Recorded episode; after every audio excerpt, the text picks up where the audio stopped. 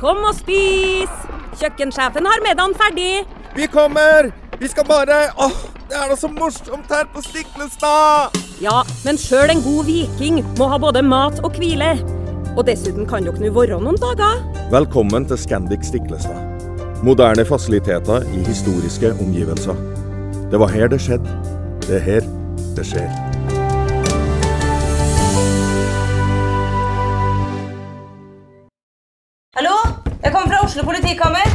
Ine Jansen er purk. Er du purk? The motherfucking bitch. Alt jeg vil, er å finne ut hva som skjedde med mannen min. Jon Carew. Er jeg sikta for noe? Iben Akeli. Det er du. Ole So, Lars Berrum og Big Daddy Karsten. Hvem sin side er du på, egentlig? Anette Hoff, Tone Danielsen, Kommer du fra Afrika? Jørnis Josef, Nesten kløfta. Trond Espen Seim, Det er synd å si det, men det var feil mann som døde. Purk. Premiere tirsdag på TV2 Play. I episoden du nå skal høre, så har jeg kommet til skade for å komme med en feilaktig opplysning angående et legemiddel. En av våre lyttere har stilt oss spørsmål om hvorvidt eh, legemiddelet Osempic er trygt å ta eh, mot fedme. Og jeg sa at dette legemiddelet det er godkjent i Norge for fedmebehandling og er trygt å ta. Eh, Og jeg står fast ved at legemiddelet er trygt å ta mot fedme, men det er ikke riktig at det er godkjent eh, mot fedme. Dvs. Si at eh, du kan fortsatt få det av legen din, men det er ikke slik at du f.eks. kan få det på blå resept. Riktignok så er det et annet legemiddel med samme virkningsmekanisme, som heter Saxenda, laget av det samme legemiddelselskapet, som er godkjent for eh, fedmebehandling. Så altså, jeg har forvekslet disse to legemidlene. Sannsynligvis ingen praktisk betydning for eh, lytteren som spør, men da er iallfall feilen korrigert.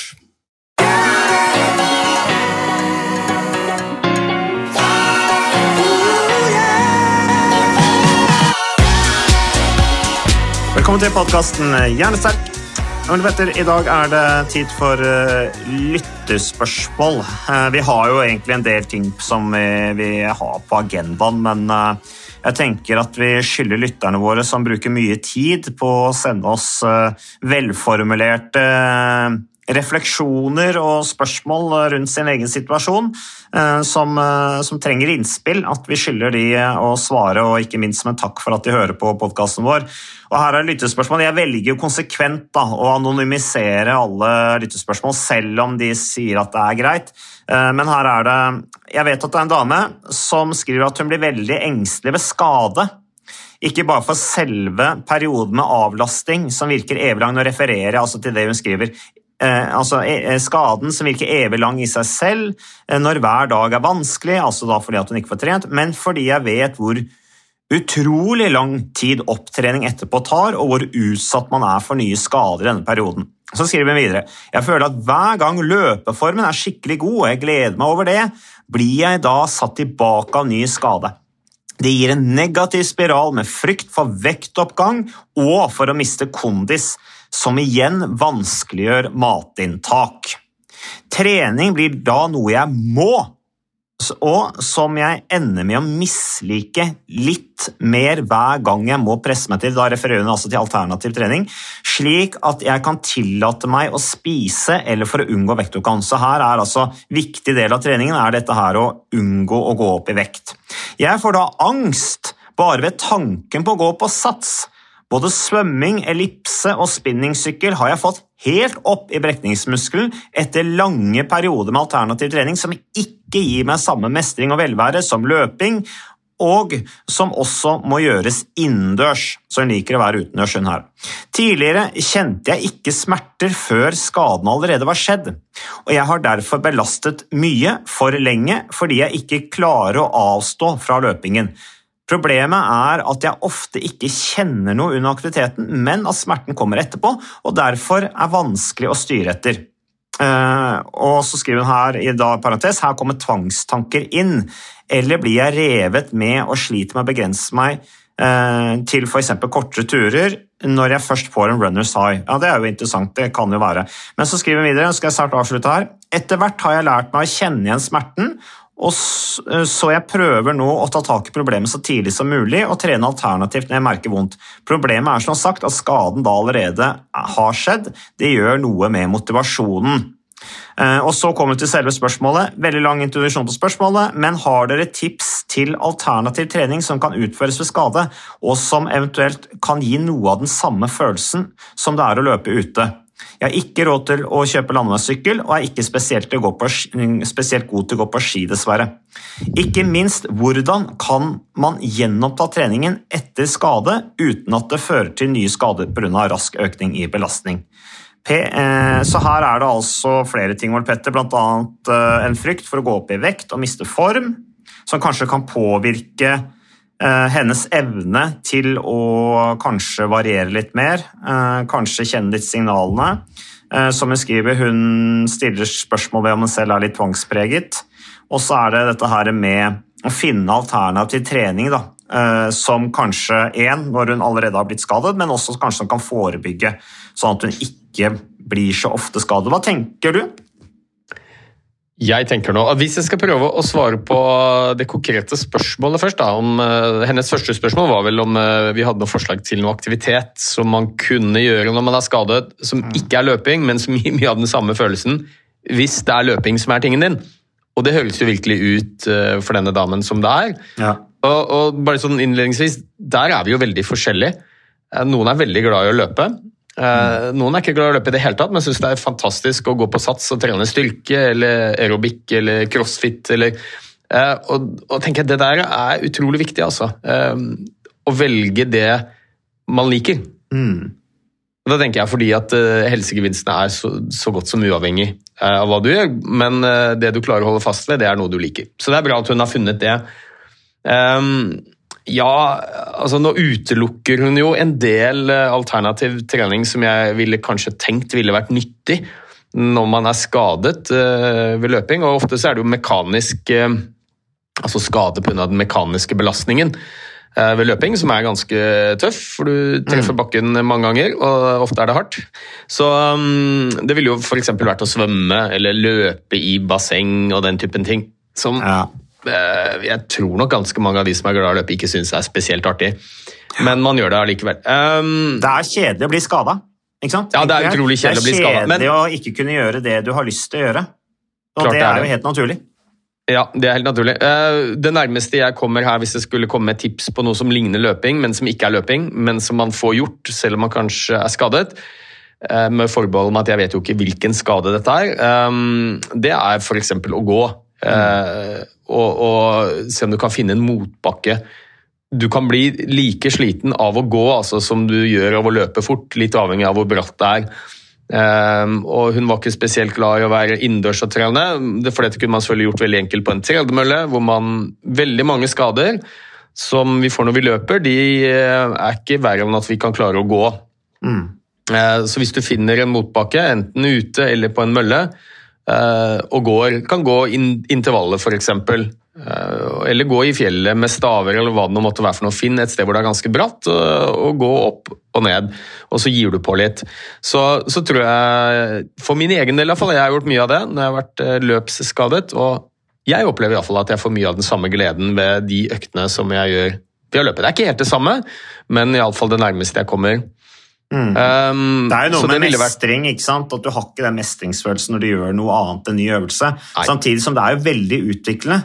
Det er jo veldig bra å, å lære seg andre øvelser, nettopp fordi at i fremtiden så kan det være at du må ta fram den øvelsen uh, og gjøre det fordi at du ikke får gjort det du liker mest å gjøre. Men jeg tenker mest av alt, Ole Petter, er å lære seg å gjøre andre ting nettopp for å forebygge å bli skada. For det er jo noe Ja. med å ha variasjon som er kjempeviktig. Og det er jo typisk, Nå er vi i den alderen. ikke sant? Vi har, jeg har, jeg har jo, nå er jeg eh, øh, 46 år, er jeg faktisk blitt. Jeg, jeg må faktisk huske Eller jeg må, jeg må tenke lenge for å huske hvor gammel jeg er blitt. Men det er jo typisk at jeg alltid får vondt i én legg. Eh, de, da, de to siste årene i Tour de France, når jeg bare løper på asfalt. For at da har jeg begrenset tid til å trene. Og da blir det at jeg hiver på meg løpeskoa, og så løper jeg. Det er det mest effektive jeg kan gjøre. Jeg har en halvtime, kanskje 40 minutter til disposisjon, og da blir det sånn. Eh, Men da er det jo typisk Andre uka så kommer problemene, for det blir for ensidig belastning. Uh, og jeg har liksom ikke tid til å trene noe særlig variert heller, så jeg går bare ut og løper i ett tempo. Det er jo typisk. Så spørsmålet er jo også om hun, uh, vår kjære innsender her, kanskje kan, burde kanskje sette opp et program også som inneholdt med variasjon. da. Både i ulike aktiviteter, uh, men også kanskje istedenfor, som du sier, også, Ole Petter, at hun løper, at hun kanskje bytter ut én eller to av løpeøktene med en gåøkt i ulendt terreng, i skogen, kanskje kjøper seg en vektvest fyller en sekk med noe stein, hva som måtte være, og går med staver. Rett og slett for å få litt annen belastning. Litt, jeg har referert mye til min far og løpemiljøet, som jo du også kjenner, Ole Petter, men forfatteren satte jo løperne til å sykle innimellom for å spare beina, og dette var jo da blant verdens beste løpere, så løping er eh, en ganske tøff belastning på beina. Eh, og Det må alle folk som er glad i å løpe være klar over. Derfor er det lurt å venne seg til å få mestringsfølelse også på andre aktiviteter. Ja, og helt enig. Og det er vel litt av svaret. Så delspørsmål nummer to, da. Hva, hva, kan man gjøre for å unngå å bli skadet neste gang når man skal starte opp igjen? Eh, og det beste tipset når det er, hvis det er løping som er din ting, og som du aller helst vil drive med, Eh, kjør variert. Eh, prøv å få flest mulig løpeturer på ulendt og mykt underlag, ikke bare asfalt. Det er selvfølgelig mye å si. Mm. ha gode sko. Det er litt sånn undervurdert, tror jeg, for mange. Vi går i butikken og så kjøper vi noen sko, vi ser at de ser fine ut og de koster en del penger og tenker at dette er gode sko. Det kan det godt være, men det er ikke sikkert at det er den beste skoen for deg. Så er du glad i å løpe, um, så er mitt tips at kjøp sko hos noen som bare selger sko. Eller som mm. bare selger sportsutstyr, uh, og, og som, eller som er spesialister på akkurat det. F.eks. type løplabbe, hvor de kan se på foten din, gjøre undersøkelser, finne ut hva slags sko er viktigst for deg for å få en god følelse når du skal løpe, og ikke minst for å forebygge skader. Den skoen som er god for meg, kan være elendig for deg, Mats. Mm. Eh, så det er tips også. Eh, og så vil jeg slå et slag for å forebygge ved å trene styrke. Jeg har mm. alltid vært elendig til det, men jeg er veldig god til å påpeke det overfor andre. Ikke så god til å få det til sjøl alltid, men, men, eh, men, det er veldig skadeforebyggende. Og nå vet jo ikke jeg hva slags type skade denne mm, lytteren har. Men veldig mange av de skadene, strekkskade, leggen f.eks.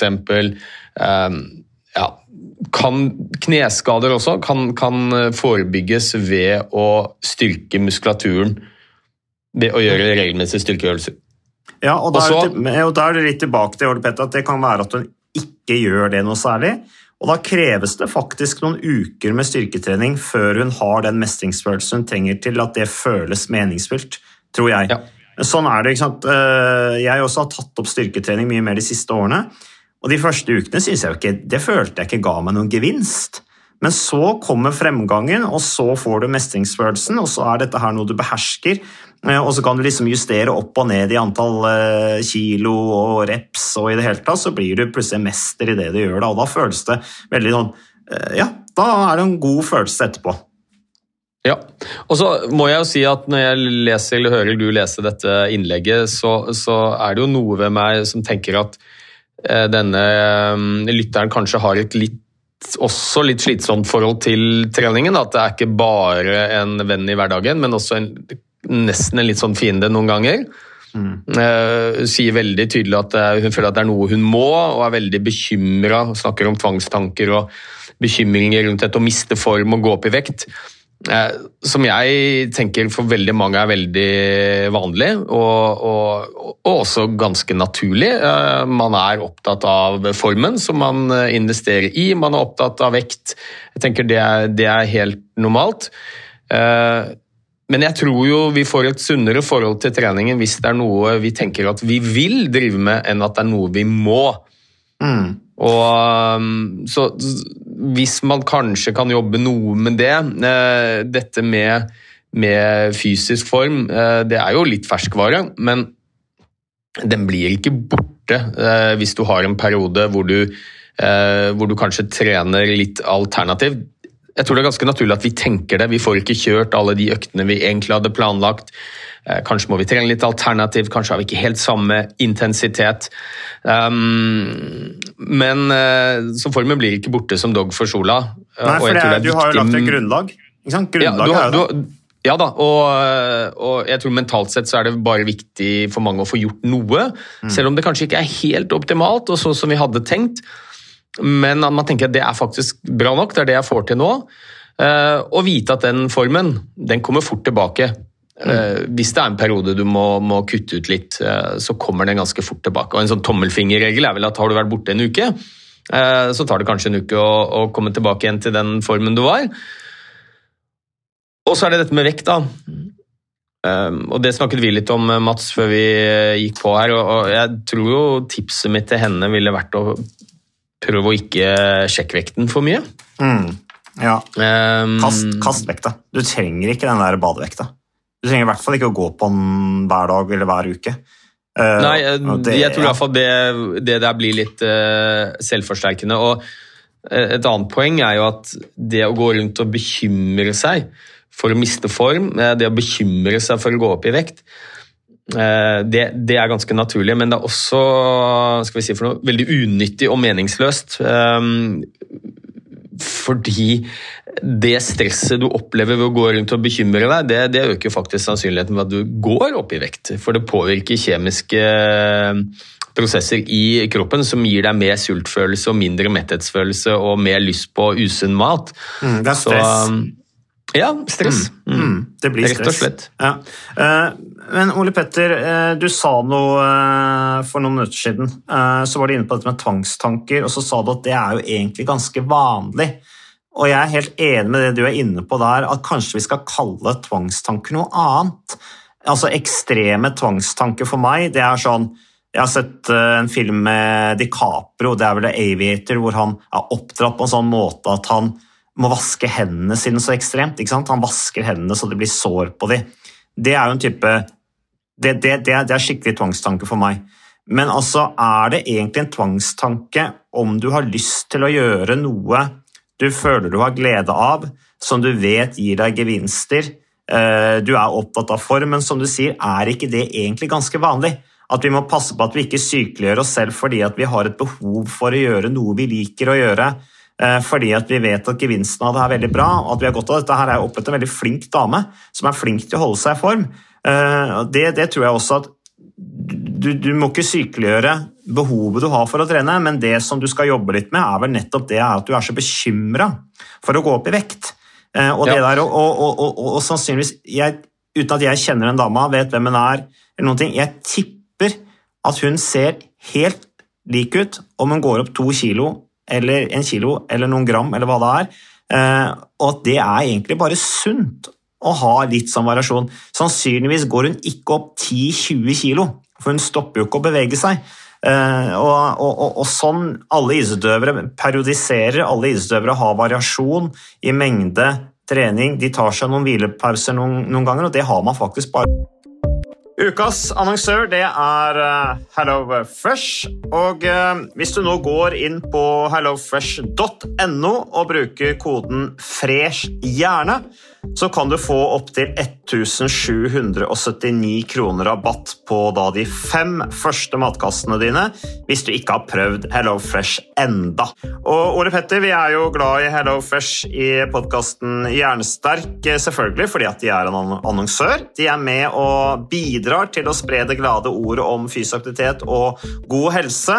Men i tillegg så har jo vi også nå lang erfaring med Hello Fresh eh, selv. Så vi må jo si at det har vært gode erfaringer til nå. Ja, absolutt. Visste du Mats, at HelloFresh er faktisk verdens ledende matkasseleverandør? og Tilbudene til HelloFresh gjør det enkelt å lage gode og varierte retter som skaper matglede. Og matglede vet du, det er like viktig som hva du putter i munnen. Det å spise mat med folk du trives med. Så gjennom 25 nye og inspirerende retter hver uke så bidrar HelloFresh til dette. Du kan bestille ekstra porsjoner om du får gjester, eller hoppe over uke hvis du f.eks. skal bort. Mm. Og Det er ingen bindingstid, og du velger leveringstidspunkt og dag selv, så leverer Hello Fresh matkassen din akkurat når det passer deg. Ikke dårlig, Mats. Nei, det er veldig bra. Så, eh, og dette er med enklere hverdag, det kan jeg nå skrive under på. For nå, forrige erfaring vi hadde forrige uke, Ole Petter, det synes jeg var Det var jo et gjennombrudd eh, for familien Kaggestad. For da lagde rett og slett barna De lagde middag og serverte middagen, så den var ferdig laget og servert da når eh, min kone Marita og meg kom hjem fra jobb. Og jeg mener Det var jo bare helt utrolig. Eh, det var helt fantastisk. Det ble en nydelig middag. Riktignok de, de, de, de roter og søler litt, det gjør de. Så, men, men, maten ble veldig god. De var veldig stolte over å kunne ha både laget og servert maten, så det var helt fantastisk. Så vi har jo da i siste så har vi eh, spist eh, bl.a. sitron- og dillstekt hyse med ovnsbakte grønnsaker og aioli. Eh, vi har spist middelhavsinspirert kylling.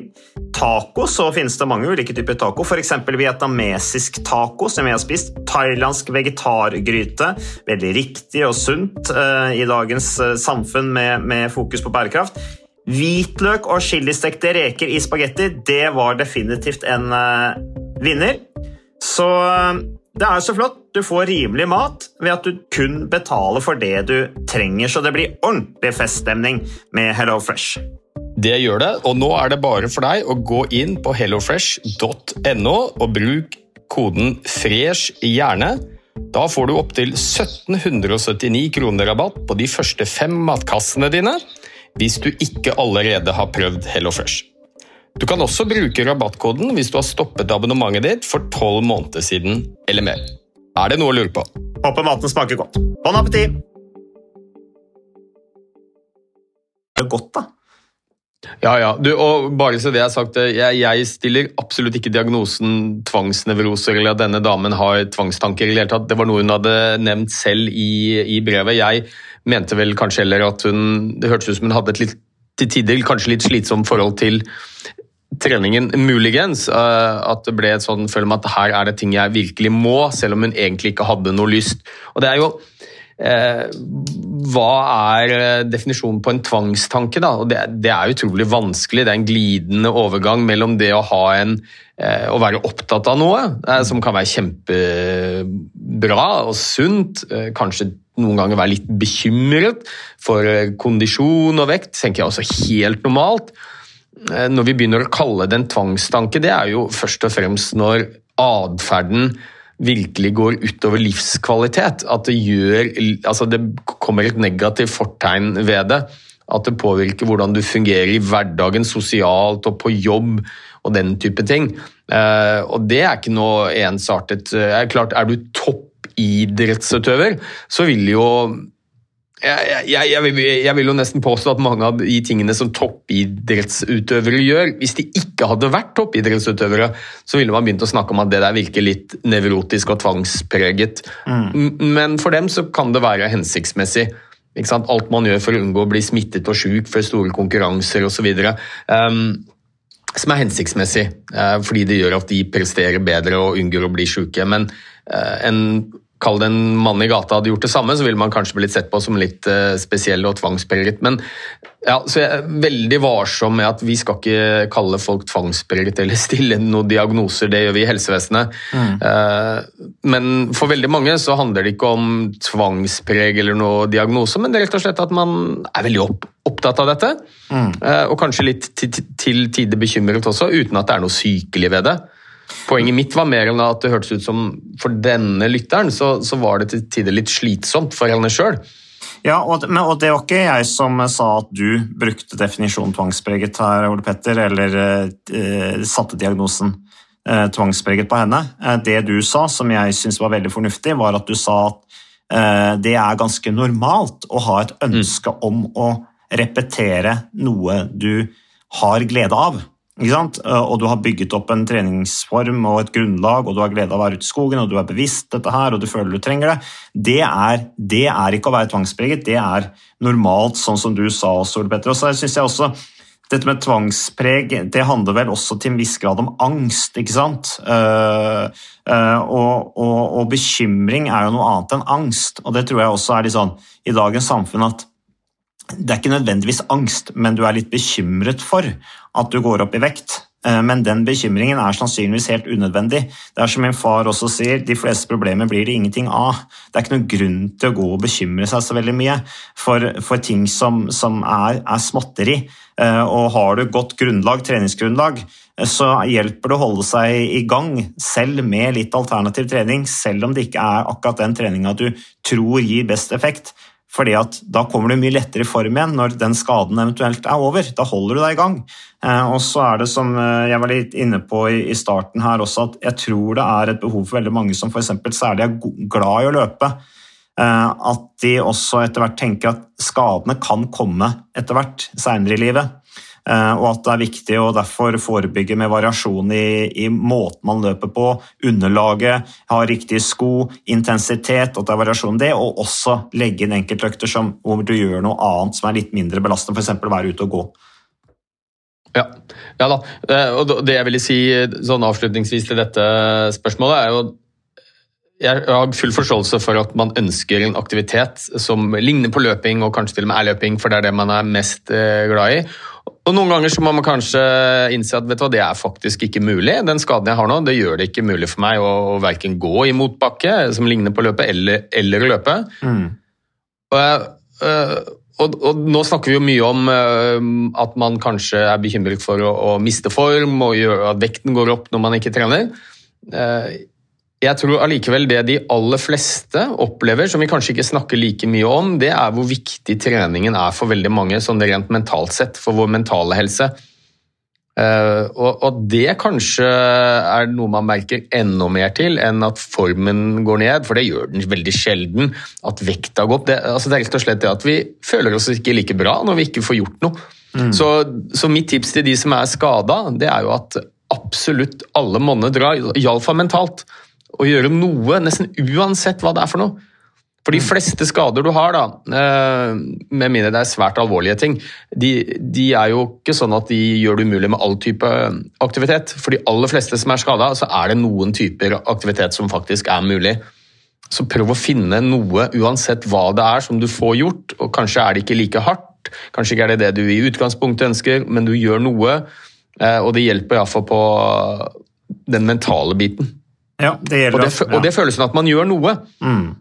Ja, det gjelder Og så er det noe med at eh, ja, er det, er det, noe med at all aktivitet du kan få til å gjøre uten at du gjør skaden din verre, det vil sannsynligvis gjøre at skaden din tilheles fortere også. Mm. Eh, tilheles fortere enn om du eh, er helt i hvile og ikke, ikke gjør noe. Ja, det jeg skulle si, det var at eh, det gjelder å fungere best mulig til tross for. Eh, hvor jeg brukte referansen til handikaputøvere som mister en bein og arm. Men det krever jo da at man øver inn den øvelsen, da, sånn at man får, får litt ferdigheten til å føle at man mestrer det. Men Nei, jeg synes det var Da tror jeg vi har svart ganske utfyllende på hun innsenderen vår, som er veldig flink. Og, og stå på som bare det. Ikke bekymre deg for vekta er vel det vi kan si. Den, eh, at den går litt opp og ned innimellom, det er bare sunt, for det første. Eh, og du kommer uansett ikke til å gå opp så mye. Men når vi først er inne på det, Ole Petter, eh, det er et lytterspørsmål til her, som også handler for øvrig litt om vekt. da. Uh, hei, jeg trener én til to ganger i uken på diverse styrke- og kondistimer på treningssenter. Hun har kommet i gang, hun er altså, det er veldig bra. Jeg har holdt på ca. et halvt år nå, Eh, og er motivert til å fortsette treningen. Kjempebra, det også. Eh, og så skriver hun videre Jeg har alltid vært litt overvektig, BMI, BMI på 33,1, skriver hun, og har prøvd mye forskjellige dietter som jeg aldri har klart å følge veldig lenge. Treningen jeg holder på med nå, er mer for alle de andre helseeffektene man har fra trening, enn nødvendigvis vektnedgang. Så det er jo kjempebra eh, perspektiv. For ca. fire uker siden skriver hun, var jeg hos legen for diverse plager han mener kan bli borte ved å gå ned i vekt. Han har, start, han har satt meg på Osempic for å hjelpe til med vektnedgangen. Det er noen store bivirkninger man ikke har helt oversikt over, men som legen min mente var veldig usannsynlig, og han mente denne medisinen kunne hjelpe meg til å gå ned 15-20 kilo på ett år uten problemer. Og så spør hun da har dere noen tanker rundt bruken av denne medisinen for vektnedgang, selv om det egentlig er en medisin laget til de med diabetes. Det er et sånt noe nordisk eh, noe nordisk medisin, dette her, Ole Petter. Det kan du sikkert mer om enn meg. Ja, du, eh, dette er eh, Osempic, heter det. eh, Dette legemiddelet som vedkommende nevner. Det er i utgangspunktet laget for diabetes, diabetes type 2. Og som på fagspråket så er det en såkalt GLP1, reseptoragonist. Um, det, det, det det kort og godt gjør, er at eh, etterligner eller styrker et metthetshormon som heter GLP1. Sånn at når du tar dette legemiddelet, så blir du litt raskere mett eh, og blir mindre sulten. Og Det er jo forklaringen på hvorfor man kan gå ned i vekt. Det påvirker også utskillelsen av sukker, um, som jo er da spesielt viktig for de med diabetes type 2. Så dette er et legemiddel som i utgangspunktet uh, ble laget for diabetes type 2-pasienter, og så har man sett at uh, en av i anførselstegn bivirkningene som jo er positive for de med diabetes type 2 også, som ofte, ikke alltid, men ofte har høy vekt, så, så er det vekttap. Mm, og dette er ganske vanlig innenfor medisinens verden, at man lager et legemiddel med en tiltenkt funksjon, f.eks. mot diabetes type 2, og så opplever man når legemidler blir brukt det er veldig mange, så gjør man studier, og så ser man at vet du hva, dette legemiddelet her, det hjelper jo mot en del andre ting også. Eh, og dette er det masse, masse eh, eksempler på.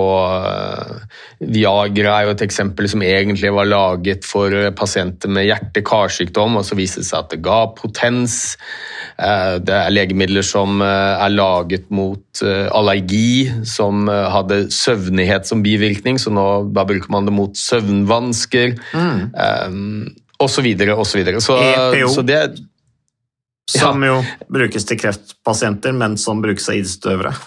Ja, ja, og da kan man jo snakke om det er bra eller ikke. Men, eh, så, ja, eh, men spørsmålet til pasienten var om det er greit å bruke det eh, selv om det egentlig er laget mot noe annet. Så vil jeg si absolutt. Det er veldig strenge regler i Norge, og så godt som alle andre land også, for hvilke såkalte indikasjoner et legemiddel har. Altså hva er det vi kan bruke det til. Det er gjort mange studier eh, i forkant for at eh, legemiddelselskapet skal få lov til å markedsføre overfor legene dette legemiddel eh, mot eh, overvekt. Så, mm, så det kan vedkommende trygt gjøre. Men Ole Petter, spørsmålet mitt når du snakker her, det er trenger hun det egentlig? Dette er ei dame Nei, det- som har begynt å trene for et halvt år siden. Eh, Hun skriver jo veldig flott, syns jeg. Hun er allerede bevisst de andre gevinstene som har på hjerte, lunge, muskelledd og det mentale, helt sikkert. Men så er dette med vekta. Legen vil ha henne ned i vekt, det kan være gode grunner for det.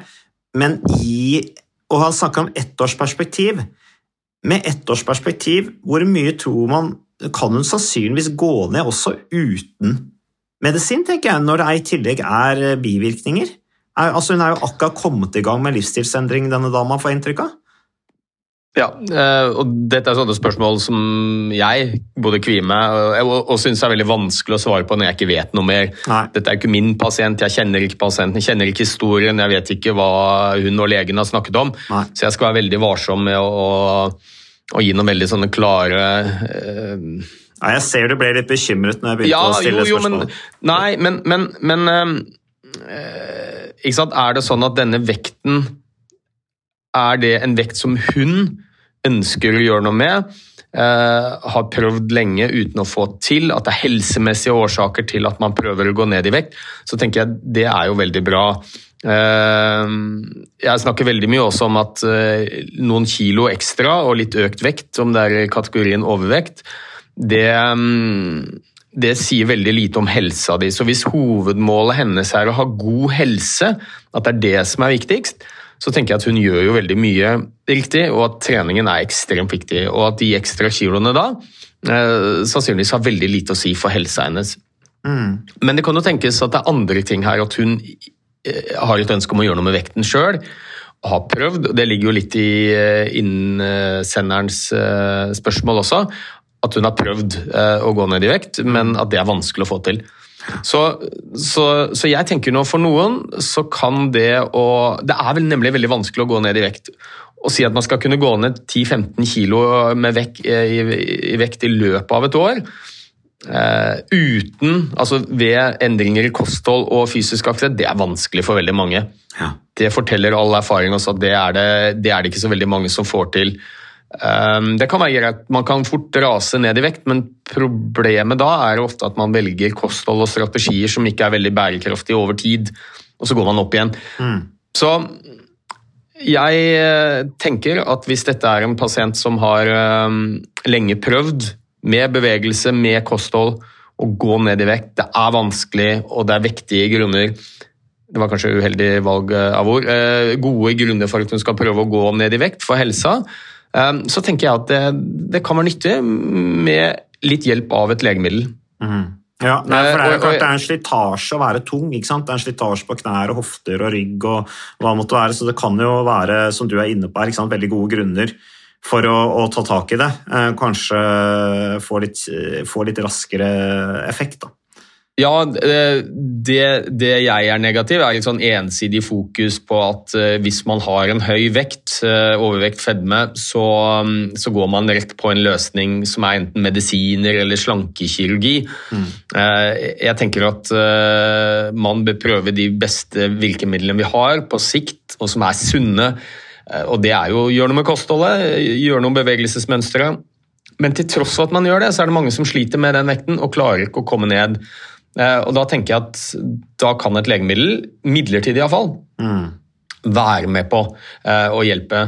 Eh, Men da er det jo selvfølgelig min klare anbefaling at man fortsetter å trene. At det ikke blir noe sånn sovepute at nå, nå tar jeg en pille, så nå behøver jeg ikke gjøre noe. Men, og det tror jeg ikke denne damen tenker i det, i det hele tatt. Men at man fortsetter med de gode vannene og bevege seg. Ha fokus på kosthold, og så kan man få litt hjelp av denne pillen. eh, Og så kan man kanskje gå ned noen kilo. Og da blir det mye lettere med mye annet også. For du ser jo det at når du klarer å få av noen kilo, så blir det litt lettere å bevege seg. Eh, Kanskje trener man litt mer. Eh, Det blir litt lettere å ta gode valg med kosthold også. Så jeg tenker at kanskje kan dette være fornuftig. Um, ikke noe man skal stå på resten av livet, men at det kan bidra i en periode. Mm. Ja. Uh, og, og det er ikke noen farlige bivirkninger ved disse legemidlene. Alle legemidler har bivirkninger, men husk, det er også bivirkninger ved å ha en for høy vekt. Ja. Uh, som kan være alt fra mekanisk slitasje på ledd og skader til økt risiko for sykdom. Sånn at og det får man å ta utgangspunkt i her, at denne pasienten og legen har gjort grundige vurderinger rundt dette, eh, og at det kan være nyttig for helsa å gå ned noen kilo vekt. Så, mm, eh, så de bivirkningene som man som oftest får da, med dette legemiddelet, det er kvalme og diaré. Altså det påvirker tarmen. Men, men eh, jeg har mange pasienter som har stått på dette legemiddelet i mange, mange år. Riktignok mot diabetes type 2, men, og, og, og de aller færreste har få eller ingen bivirkninger. Og i de tilfellene hvor det er bivirkninger, så er det gjerne mage-tarm, type kvalme og diaré. Um, og opp, Oppstår det, så bør man jo ta en prat med, med fastlegen og vurdere om dette er noe man bør fortsette på eller ikke. Ja, og det var det legen til innsenderen her også sa, at det er sannsynligvis at du ikke får de bivirkningene som, eh, som står listet opp her på, på medisinen. Nei, men uh, tusen takk, Ole Petter. Uh, tusen takk til uh, innsendere. Tusen takk til Moderne Media. Tusen takk for at du lytter på podkasten Hjernesterk.